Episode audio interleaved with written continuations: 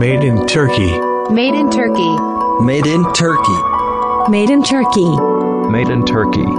Made in Turkey. Made in Turkey.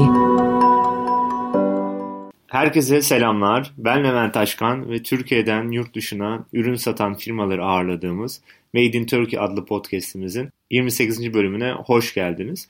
Bugün Pricing firmasının kurucu ortaklarından olan Burç Tanır sizlerle olacak. Pricing, e-ticaret firmalarına fiyat takip yazılımı sunuyor. Şu an 53 farklı ülkeden 550'nin üzerinde müşterisi bulunmakta ve geçtiğimiz haftalarda aldığı 1.1 milyon dolarlık yatırımla da bu sayıyı daha da çoğaltmak istiyorlar. Bu hikayeye nasıl başladıklarını, nasıl bu sayılara geldiklerini ve yakın zamanda da neler yapmayı planladıklarını konuştuk. E-ticaretle ilgili olanları mutlaka bu bölümü dinlemelerini öneririm. Bununla birlikte uzun zamandır yapmak istediğim bir proje için adım attığımı da paylaşmak istiyorum sizlerle. Podcast sayesinde Türkiye'den yurt dışına ürün satan veya satmak isteyen çok sayıda kişiyle tanışıyoruz. Bu firmaların belli alanlarda eksikleri olabiliyor. Tabi bunlar arasında online marketingde en ağır basanlardan.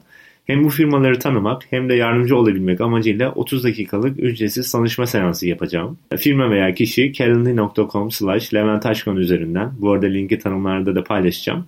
Salı ve Perşembe günleri 16-17 arasında uygun olduğu 30 dakikalık aralığı seçebilir. Bu perşembeden itibaren bu arada seçebilir. Ee, umarım çok sayıda firmaya da bu şekilde dokunabiliriz. Dinlediğiniz için teşekkür ediyorum ve şimdiden de keyifli dinlemeler diliyorum. Burç hoş geldin. Hoş bulduk Leva, teşekkürler. Nasılsın, iyisin? Ya gayet iyi, her şey yolunda, iyiyim.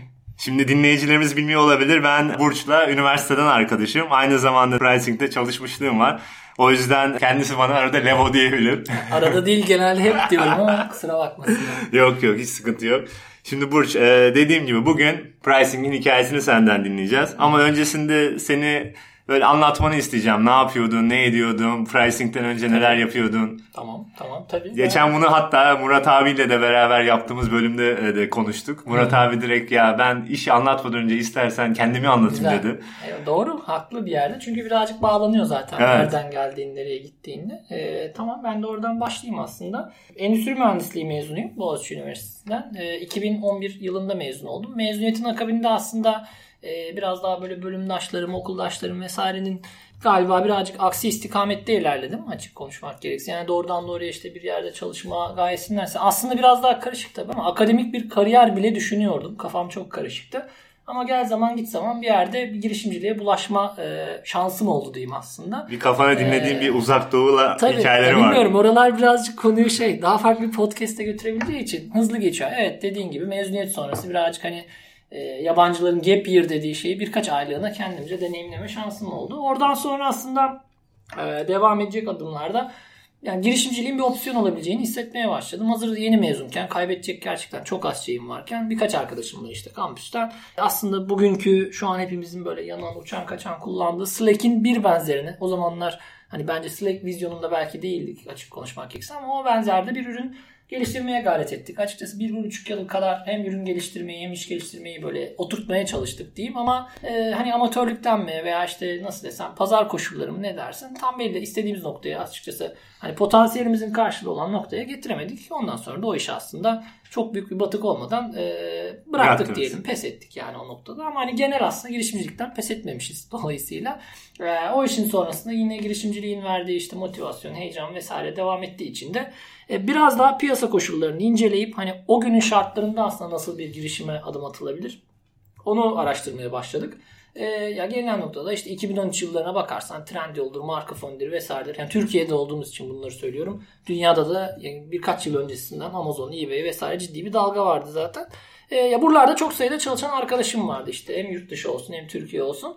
E, ya bu arkadaşlarımla ne zaman birebir vakit geçirsem etsem aslında e, gerçekten e, vakitlerin çok büyük çoğunluğunu manuel bir şekilde rekabetin analize ayırdıklarını gördüm. Zaman mı denk geldi diyeyim, şansıma mı diyeyim veya doğru gözlenme dersin, ne dersin bilmiyorum. Aslında bu problemin otomatikleştirerek çözülebilecek bir problem olduğunu, burada da bir iş alanı olabileceğini düşündüm.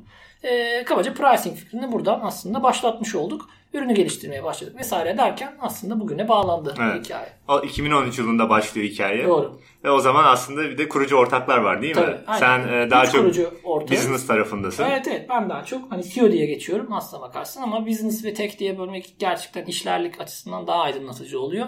E, iki tane ortağım var. E, Samet Atta ve Neslihan Şerin Saygılı adında. Üç kurucu ortak olarak hani başından beri götürmeye çalışıyoruz işi. E, şu anda da çok şükür her şey yolunda Devam ediyor, aynen. öyle. O zamanlar peki siz aslında fiyatları bir şekilde otomatik olarak çekmeye başlayıp firmalara onun hizmetini sunuyordunuz değil mi? Yani tam olarak değil. Aslında iş o ama yani bilmiyorum. SaaS'ın genel software as a service dediğimiz iş modelinin başlangıcı bence yaygın bir şekilde servis olarak başlıyor ister istemez. Hani istediğin kadar ürün vizyonun olsun, ürün yapmaya çalış. O vizyon kesin olmalı. Ama day one yani sıfırdan başladığın anda ürün yoktan var edemeyeceğin için var olman da gerektiği için yani satış yapman gerektiği için de ne servisi sunacaksan gün sonunda otomatik olarak onu manuel el yordamıyla bir şekilde müşteriye kanıtlaman gerekiyor. Biz bu işi yapacağız bakın. Bu işi otomatik yaparsak o bizim meselemiz. Daha karlı yaparız. Ama bu işi yaparsak siz bize para verecekmişsiniz. Sağ otomatik ama manuel. Aslında işin ilk 1-2 yılı diyebilirim. Ee, bu full manuelden neredeyse yarı otomatiğe giden bir yolculukta geçti. Yani ürün geliştirmeyi aslında bir yerde ilk müşterilere sunduğumuz servislerle geceleri uyumayarak işte bu fiyat takibini birazcık ajans gibi bizim yaptığımız setupta e, sürdürdük. Sonrasında işte o finansmanla bir de işte dışarıdan bulabildiğimiz biraz finansmanla ürünü ortaya çıkarabildikten sonra kabaca aslında 2015-2016 gibi gerçekten vizyonumuzda olan bu SaaS versiyonunu launch ettik. O günden bugüne neredeyse aynı iş modeliyle büyüyoruz. Anladım yani aslında ilk etapta siz e, karşı tarafın firmaların bir nevi bu yükünü üzerine alıyordunuz ve kendiniz yapıyordunuz fiyat Evet, takiplerini. evet. Bunu bir kısmını otomatik bir kısmını manuel Aynen. olarak ilerletip maksat müşterileri bulabilmek bir Evet. şekilde şirkete kazanç getirebilmek. Aynen. Yani bunu da daha çok yakın çevremizdeki işte Türk firmalardan başladık. Çünkü hani ekip buradaydı. Kurucu ekip olsun işte sonradan da ayrılan birkaç kişi olsun. Dolayısıyla ilk akla yatan hani dijital pazarlamayla vesaire değil açıkçası gerçekten bugünkünden çok çok farklı bir şekilde kapı kapı dolaşarak Türkiye'deki işte aklına gelebilecek majore ticaret sitelerinin böyle ihtiyaçlarını dinlediğimiz, o ihtiyaçlara çözüm verdiğimiz 1-2 yıl geçirdik diyebilirim. Ama yani asla amaç o değildi. Onun farkında ilerledik. Bence o önemli. Maksat ürünü oturtmak. Evet ürünü oturtmak, ürünü fonlamak, yani gerçekçi konuşmak gerekirse yani sadece de oturtalım, feedback toplayalım değil. Bir de hayatta kalalım meselesi var. Ee, onu aslında mümkün kıldı. Ondan sonra da e, bahsettiğin yatırımdan sonra herhalde tohum yatırımı oluyor.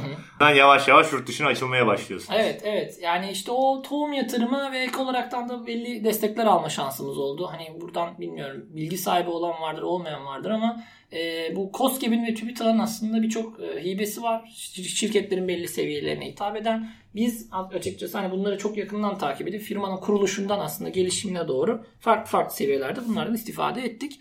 Dolayısıyla hani ilk günlerin finansmanı açısından aklıma yani kodlamak gerekirse kabaca ilk müşterilerin biraz geliri, birazcık bu edinilen hibeler derken ondan sonra edinilen çekirdek yatırım. Ondan sonra çekirdek yatırım gerçekten çekirdek kadar olduğu için açıkçası günün şartlarında üstüne birazcık daha yeni hibeler, yeni destekler. Oradan sonra da aslında işte global büyümeyle gelirin birazcık daha hızlı artması, kendini döndüren iş modeli oturdu. Oturmaya başladı. Evet. Bu yatırım ve işte bahsettiğin ilk çekirdek şekilde kazanç geldikten sonra nasıl yurt dışına açıldınız? Yani Site aslında- İngilizce çıkıyor. Evet evet yani yurt dışına aslında açılmak nasıl desem bir yaklaşım meselesi galiba. Çünkü tam olarak fiziksel olarak hakikaten açılmadık. Yani yurt dışına bizim açılmamız bayağı ofiste oldu. Yani ofiste oturup yurt dışına açıldık aslında. E dediğin gibi %100 İngilizce bir site. E bu siteyi de e, ha deyince insanlar fark edecek. Aa site açılmış hadi bakalım kadar böyle net bir şey değil internet. Yani bir site açarsın bir ziyaretçi bile alamazsın. Yani kimseye söylemezsen. Kabaca biz de hani kimseye söylememe bu modundan çıkıp kabaca bu siteye link alabileceğimiz olabileceği fazla mecraya işte yine isim isim gidersek biraz da taktik paylaşma vesilesiyle işte ilk başta en kolay link alınabilecek Quora olsun. Böyle soru cevaplayabileceğin hani müşterilerin aslında bizim ihtiyacımıza böyle hitap edebilecek sorduğu sorulara bizim gerçekten çözüm olarak yanıt verdiğimiz çok soru cevapladık. E, buralardan ciddi bir link, doğrudan oraya link alma şansımız oldu. Bir de tabii ki işte bilenlerin bileceği bu bizim SEO trafiklerimize yansıdı. Hani sitenin içeriğindeki kelimelere link aldığımız için hani o kelimeler için kabaca doğru yerlerde sıralanmaya başladık. Gel zaman git zaman organik açıdan önemli bir yer edindik. Bu organik trafiği birazcık daha küçük kendi bütçemizde, kendi yağımızda kavrulurken harcadığımız AdWords ile birleştirdik vesaire. O yüzden aslında tamamen dijital pazarlamayı kullanarak açıkçası %100 yurt dışına açıldık denebilir.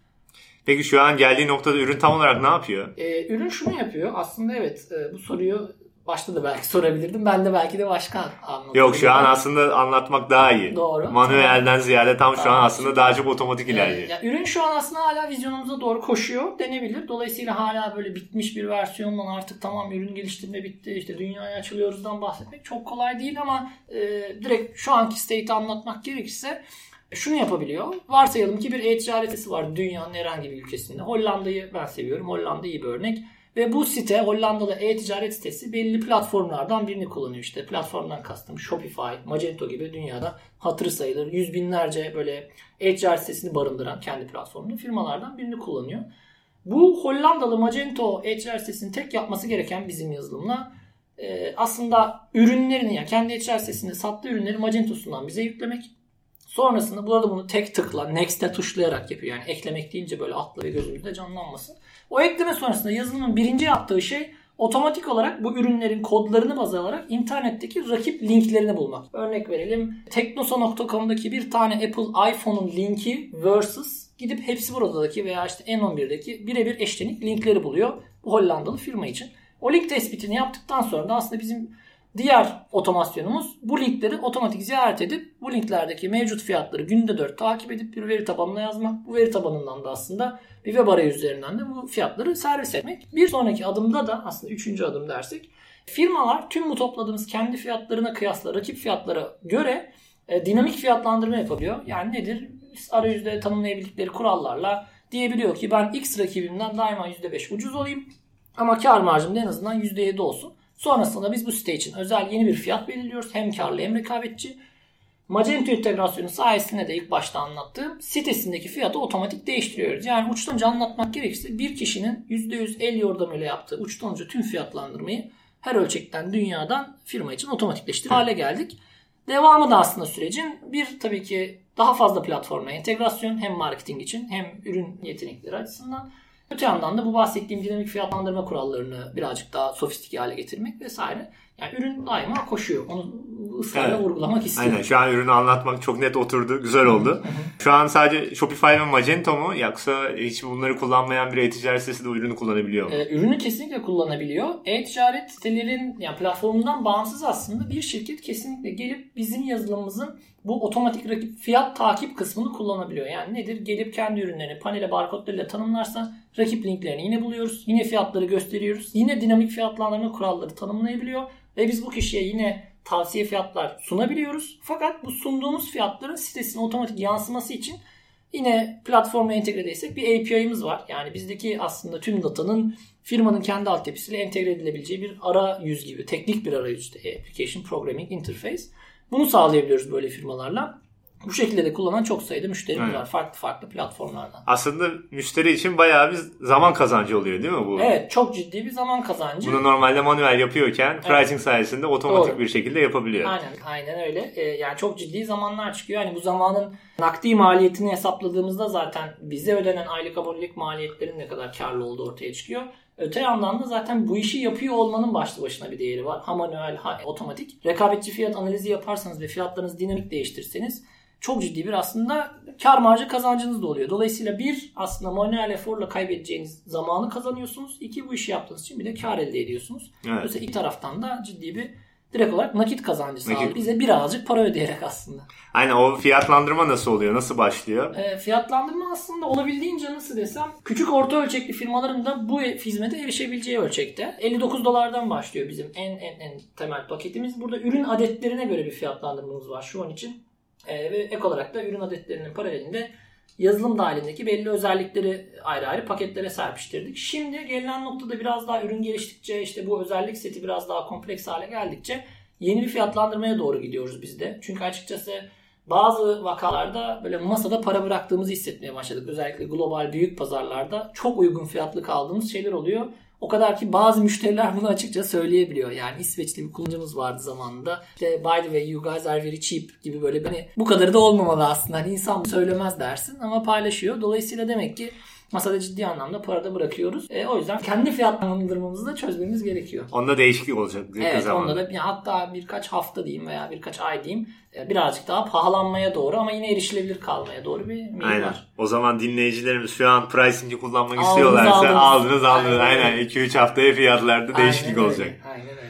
Peki şimdi kaç ülkede kullanılıyor pricing? Kaç Ee, firmada kullanılıyor? Şu an 53 ülkede yaklaşık 570 müşterimiz var. Yani müşteriden kasıt paralı kullanıcı. Bu ne kadar da yüzden fazla ülkeden binlerce açıkçası deneme kullanıcımız oldu. Yani şöyle bunlar tabii bir yerde istatistik ama hani çok büyük çoğunluğu pazarın belli bir yerde dağılıyor. Ama mesela örnek vermek gerekirse Mauritius'tan bile bir müşterimiz var. Yani bu içeride birazcık şaka konusu.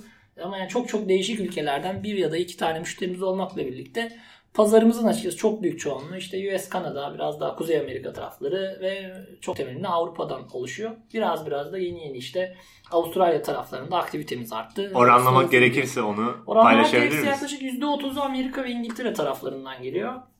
Ee, yaklaşık %40 kadarı Avrupa'dan geliyor ama Brexit sonrası Avrupa'dan bahsedelim. Yaklaşık 20 kadar da %20 kadar da UK.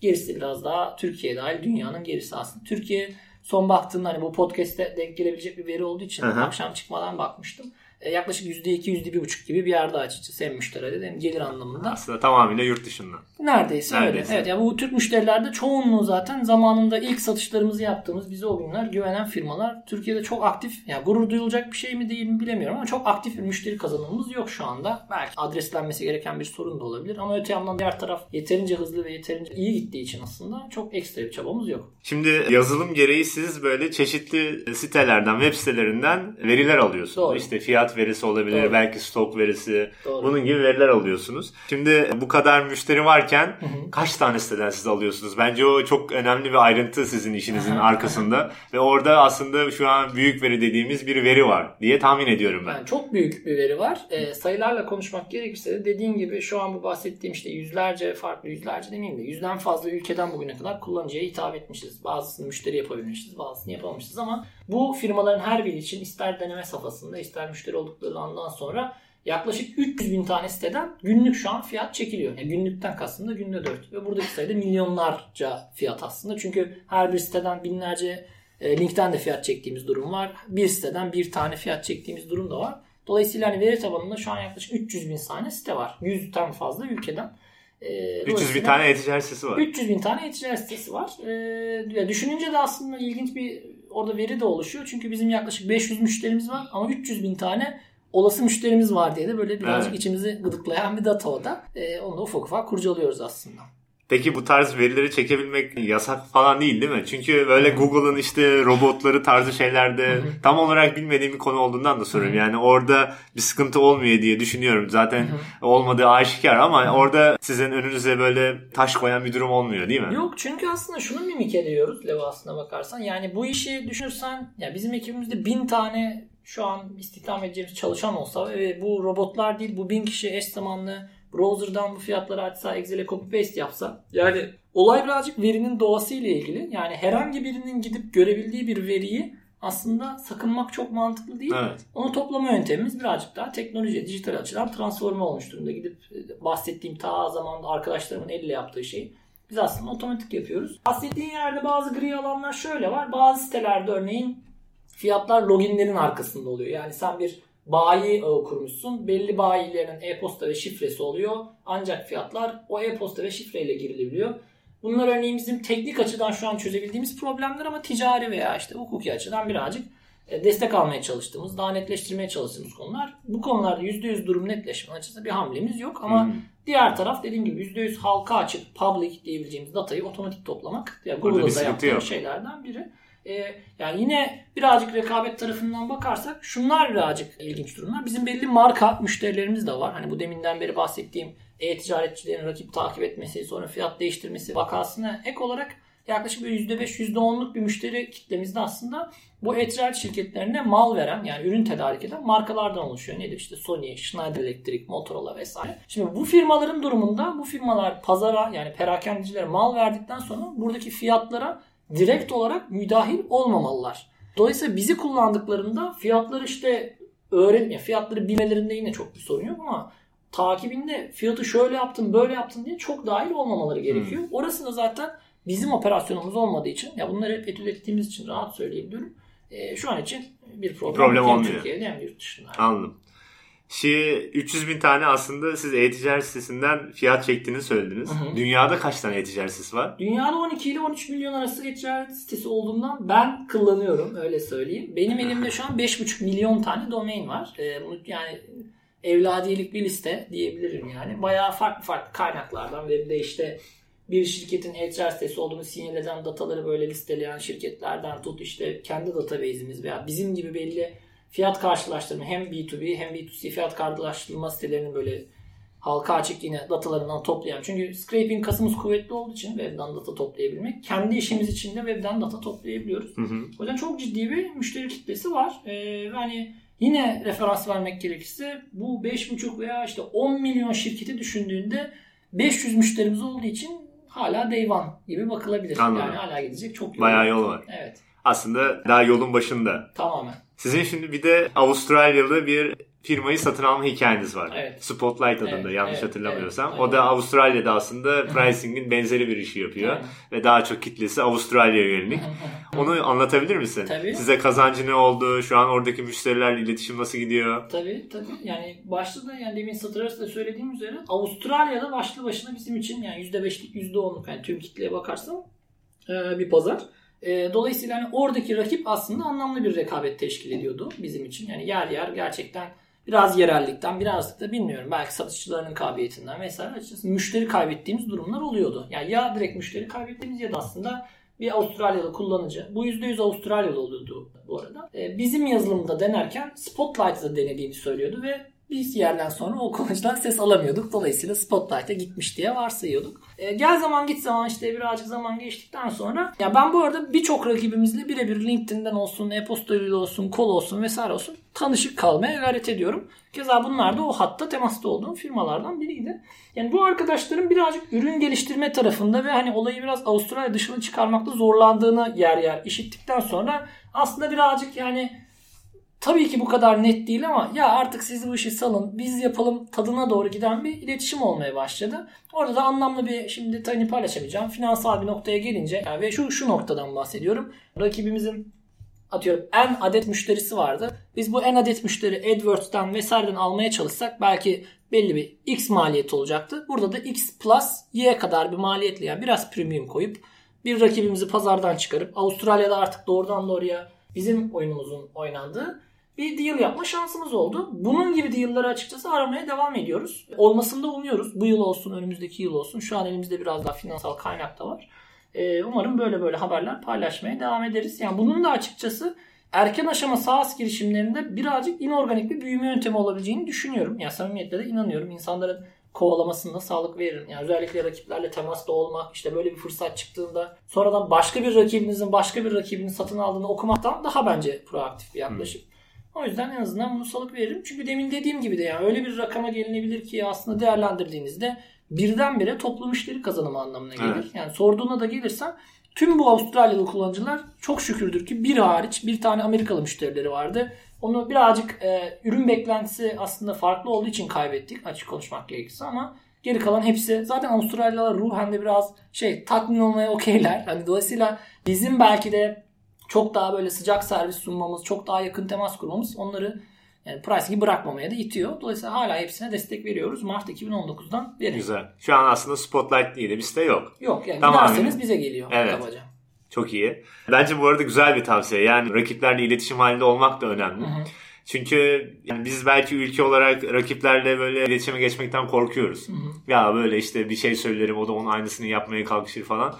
Ama sen demek onun öyle bir güzel yolunu bulmuşsun ki e, orada bir sinyal aldığında direkt şirketi satın alma yoluna gitmiş. Belki sizin rakiplerinizden başka biri de bu arada Spotlight satın alabilir. Evet olabilirdi. İşte onun haberini okumak var. Bir de Evet. haberini yani böyle çok şovlu konuşuyor gibi olacağım ama haberini yazmak var. Yani Evet. dolayısıyla yazma tarafında olmayı bence tercih etmeliyiz. Güzel. Yani öte yandan yani rakibinle bir şey konuşuyorken bence orada tonu da belirleyebileceğin için Allah ağzımdan şu kaçtı dur bunu şöyle söylemeyeyim diyorsan söylemeyebilirsin. En azından bir tanışıp irtibatta kalmak bence mantıklı. değil.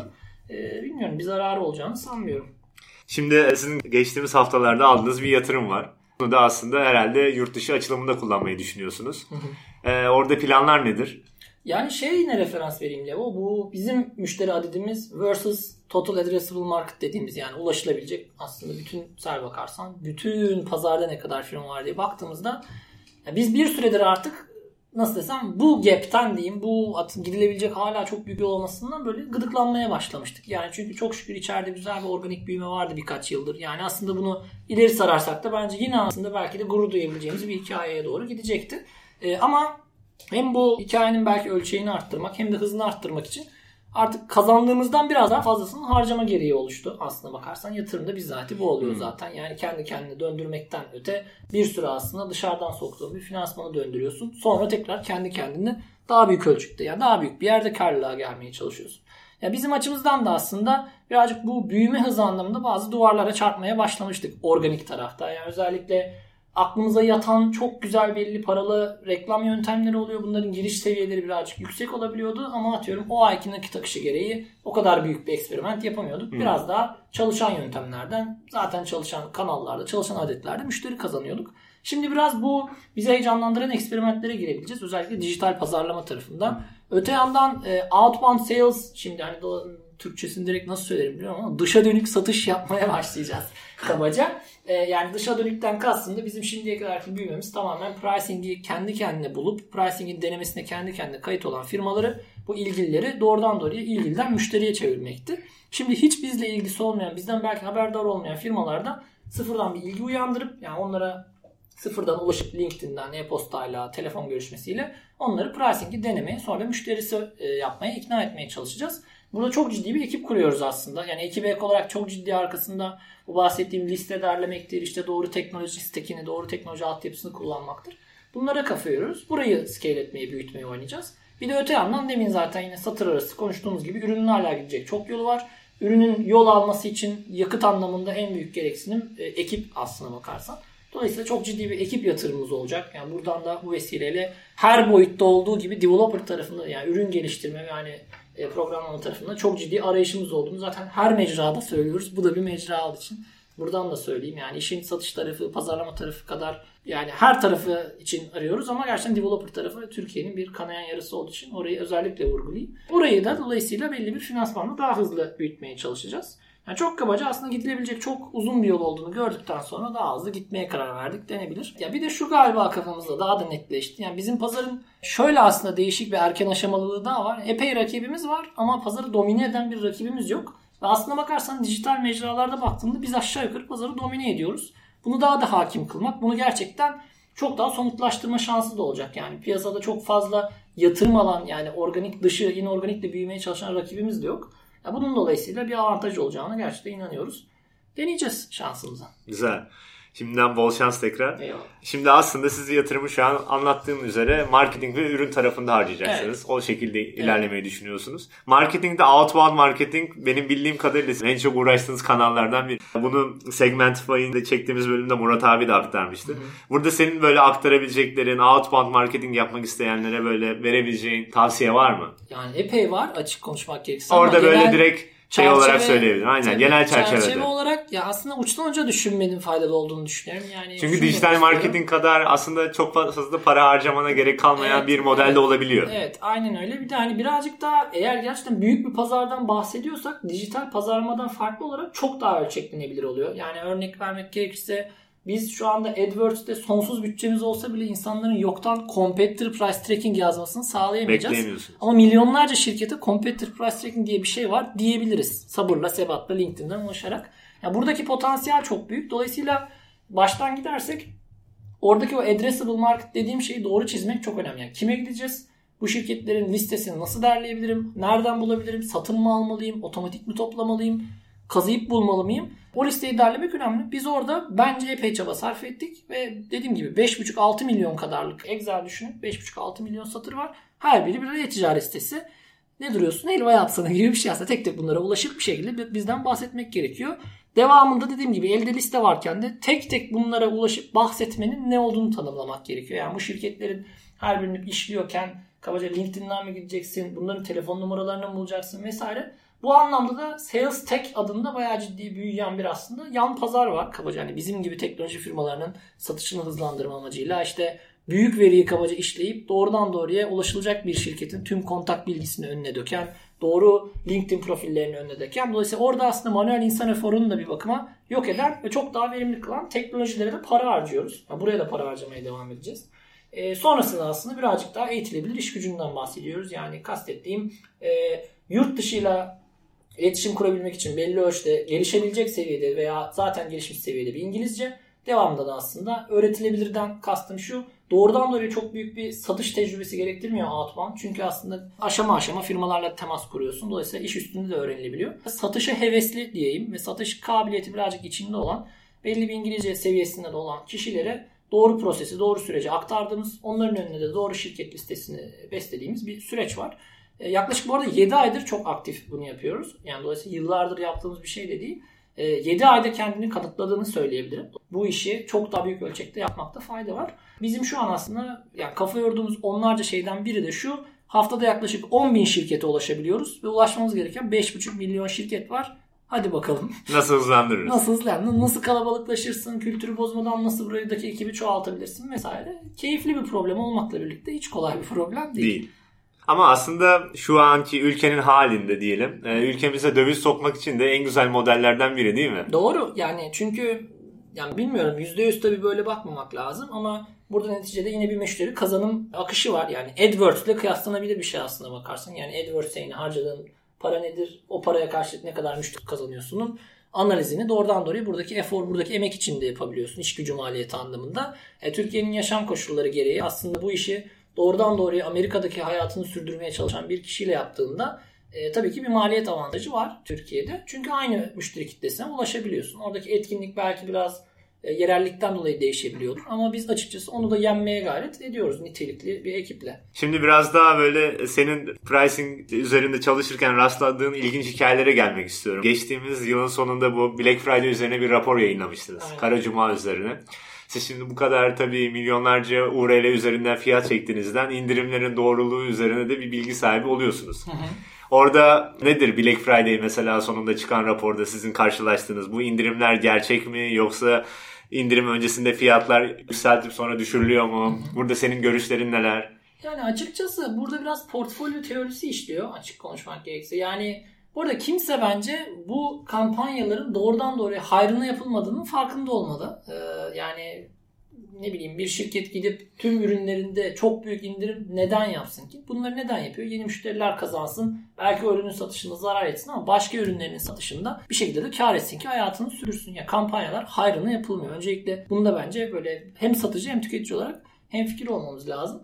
E, dolayısıyla da firmaların genel uyguladığı şey tüm portfolyolarının belki de %5'inde, %3'ünde firmadan firmaya değişir derinliğine göre ama %10'unda diyelim çok ciddi indirimler yaptı ama gerisinde de gerçekten fiyatları belki normalden de arttırdığı bir gözlemimiz var. Hmm. Bazı firmaların zaman zaman bu fiyat indirimlerinden önce de yer yer fiyatlarını arttırdığını görebiliyoruz. Yani burada ama şey de değişiyor. Türkiye'de birazcık farklı takvimlerle de Black Friday'ler uygulandığı için doğrudan doğruya belli bir tarihi endeksle gitmek çok doğru değil. Bizim bir önceki araştırmamızda birazcık açıkçası iyileştirilebilecek yerlerden de onu gördük. Biz spesifik Amerika'da genel geçer işte zannedersem 29 Kasım'da yanlış olmasın. Hmm. Belli bir tarihe doğrudan doğruya baktık. O tarihteki fiyat değişikliklerine göre bir şeyler söylemeye çalıştık. Ama bunu not olarak belirttik bu arada. Yani araştırma yapıyorsak da belli bir bilinçle yapıyoruz.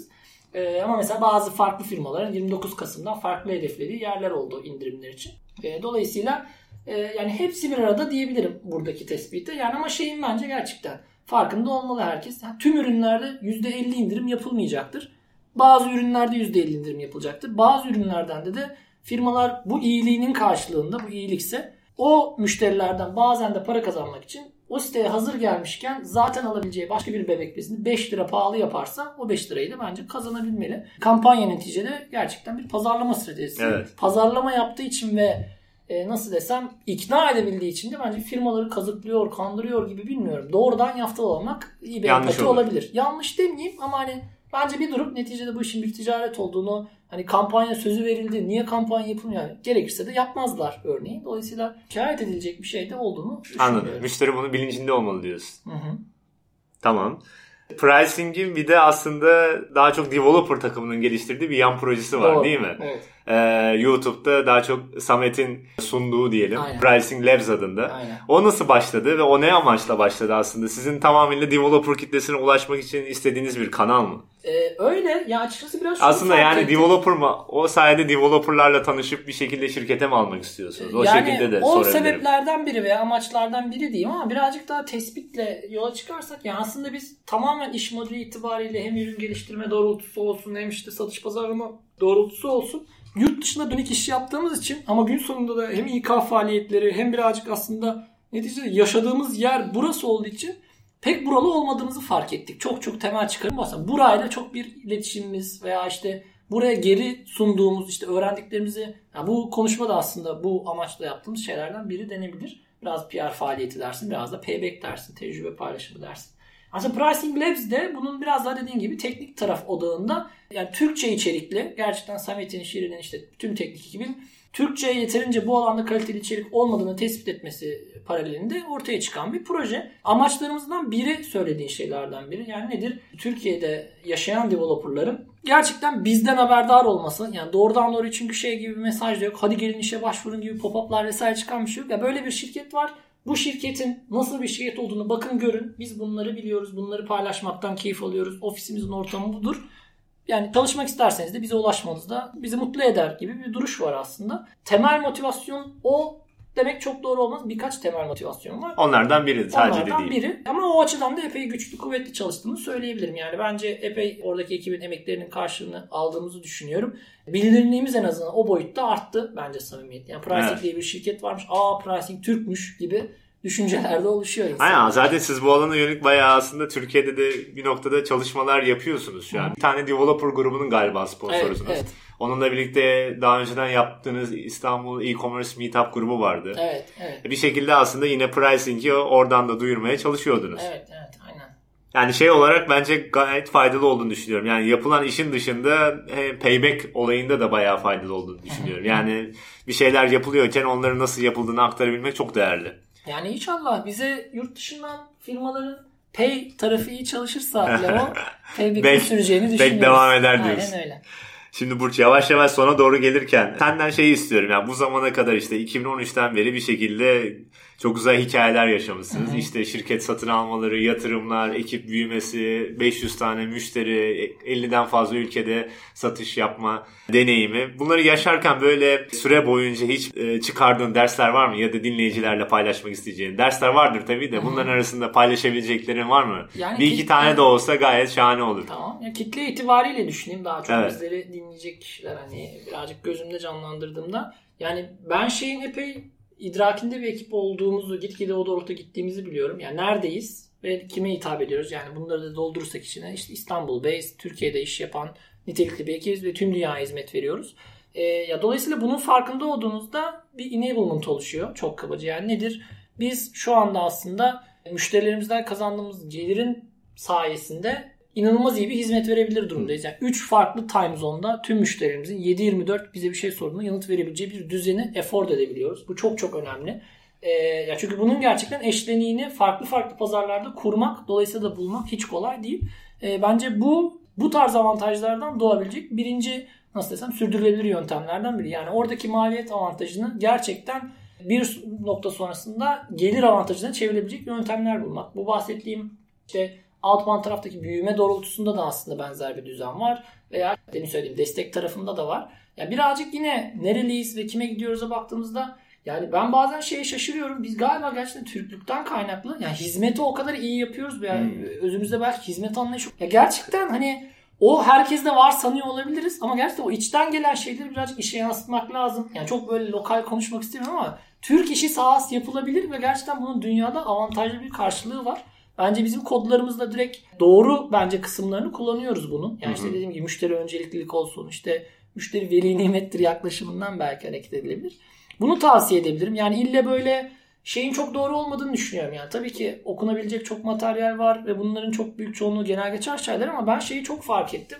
US based bir blogda okuduğum birçok şeyi aslında konteks itibariyle buraya translate etmem gerekiyor. Direkt Türkçe'ye çevirmiyorum ama Türkiye'ye çevirmek diye bir gerçek var. Çünkü orada refere edilen işte bahsedilen maliyetler California based birinin kaldığı evin kirası örneğin. Dolayısıyla bir ofis tutmamalısınız ilk 20 ay diyor atıyorum. Halbuki hani belki de tutulabilir atıyorum. Çünkü burada farklı. Ya kontekstin farkında olmak bence önemli. Ya öte yandan ya bilmiyorum sabır sebat bence gerçekten birazcık yaşlı gibi zannedebilir ama yani bizim işin belki de gideceği noktayı kestiriyor ama en azından geldiği nokta itibariyle çok fazla pes edilebilecek noktası oldu. Yani işin yeterince hızlı büyümediğini hissettirdiği yerler oldu. Gerçekten verdiğimiz emeğin o an itibariyle o hafta, o gün, o ay ne dersen kısa vadede karşılığını alamadığını hissettiğimiz durumlar oldu. Ama gün sonunda sabır sebat gösterince gerçekten işin büyük resmine inandıktan sonra pes etmemek bence büyük resimde payback sağlıyor. Hem ekibe hem işte kuruculara bir noktada belki de yatırımcılara vesairelere. O pes etmemeyi söyleyebilirim. Dediğim gibi kitleye birazcık daha bu ikisini sanırım alet etmekte fayda var. Aynen. Bizim insanımızda misafirperverlik var ama biraz sabırsızlık da var aslında. Evet evet kesinlikle. O sabırsızlığı biraz yontmak gerekecek. Evet, evet aynen. Yani orada şu yüzden de söylüyorum. Mesela bu bahsettiğim Avustralya'da rakip örneğinde ya belki de o arkadaşların pes ettiği nokta bizim zaten pes etmeyi düşündüğümüz noktanın onda biri zorlukta filandı yani. Biz birazcık daha bence e, işte buradaki hayat koşullarımızı bazı minimuma indirmeyi başarabildiğimiz için. Orada indirmek kolay değil. Sydney'de bazı minimuma belki indirdiğinde bile bilmiyorum. Burada lüks bir hayat yaşıyor oluyorsun. Doğru. Ya dolayısıyla bunları avantaja çevirmek mümkün. Çünkü aynı müşteri kitlesine hitap eder oluyorsun. Bu bilmiyorum unfair bir avantaj aslında yani. Evet. Bunun farkında olup kullanmak, bunun iyi yanlarını kullanmak bence ciddi bir avantaj, Avantaj. getiriyor. Aynen. Bu çok güzel bir sohbet oldu. Çok teşekkür ediyorum. Ben teşekkür ederim. Sana ulaşmak isteyenler nerede ulaşabilirler? Bir Ee, soruları olanlar. Yani ben çok fazla sosyal medya kullanmıyorum. Sosyal medya aracı olarak diyeyim LinkedIn'i kullanıyorum. Yani hem bir satış aracı olarak hem pazarlama Evet. aracı olarak. LinkedIn profilinden Burç Tanır'dan e, kabaca küçük bir notla işte programı dinledim ağzına sağlık veya işte programı dinlemedim biraz saçmalamışsın falan gibi notlarla en azından buraya e, böyle atıfta bulunan şekilde ulaşabilirler. Onun dışında e-postam epey public aslında adım et şirket.com kabaca şirketin adını da bilenlere sadece inanılır olmuş olsun. Aynen. Onu ben bu arada tanımlar bölümünde yazıyorum. Oradan da ulaşabilirler. Tamam sağlık olsun. Tüm Aynen. emeklerim boşa gitti. Tamamdır o zaman. Çok sağ ol tekrardan. Görüşmek Teşekkür üzere. ederim. Görüşürüz. Devam. Bölümü dinlediğiniz için teşekkürler. Umarım bu bölümden keyif almışsınızdır. Sorularınız veya yorumlarınız olursa bize selam et madeinturkey.xyz adresinden veya twitter.com slash madeinturkey xyz URL'sinden ulaşabilirsiniz. Eğer hala kanalımızı takip etmiyorsanız Spotify, Spreaker ve iTunes üzerinden Made in Turkey yazarak kanalımıza ulaşabilirsiniz. Ayrıca bu şekilde arkadaşlarınızla da paylaşabilirsiniz. Şimdiden teşekkürler, sevgiler.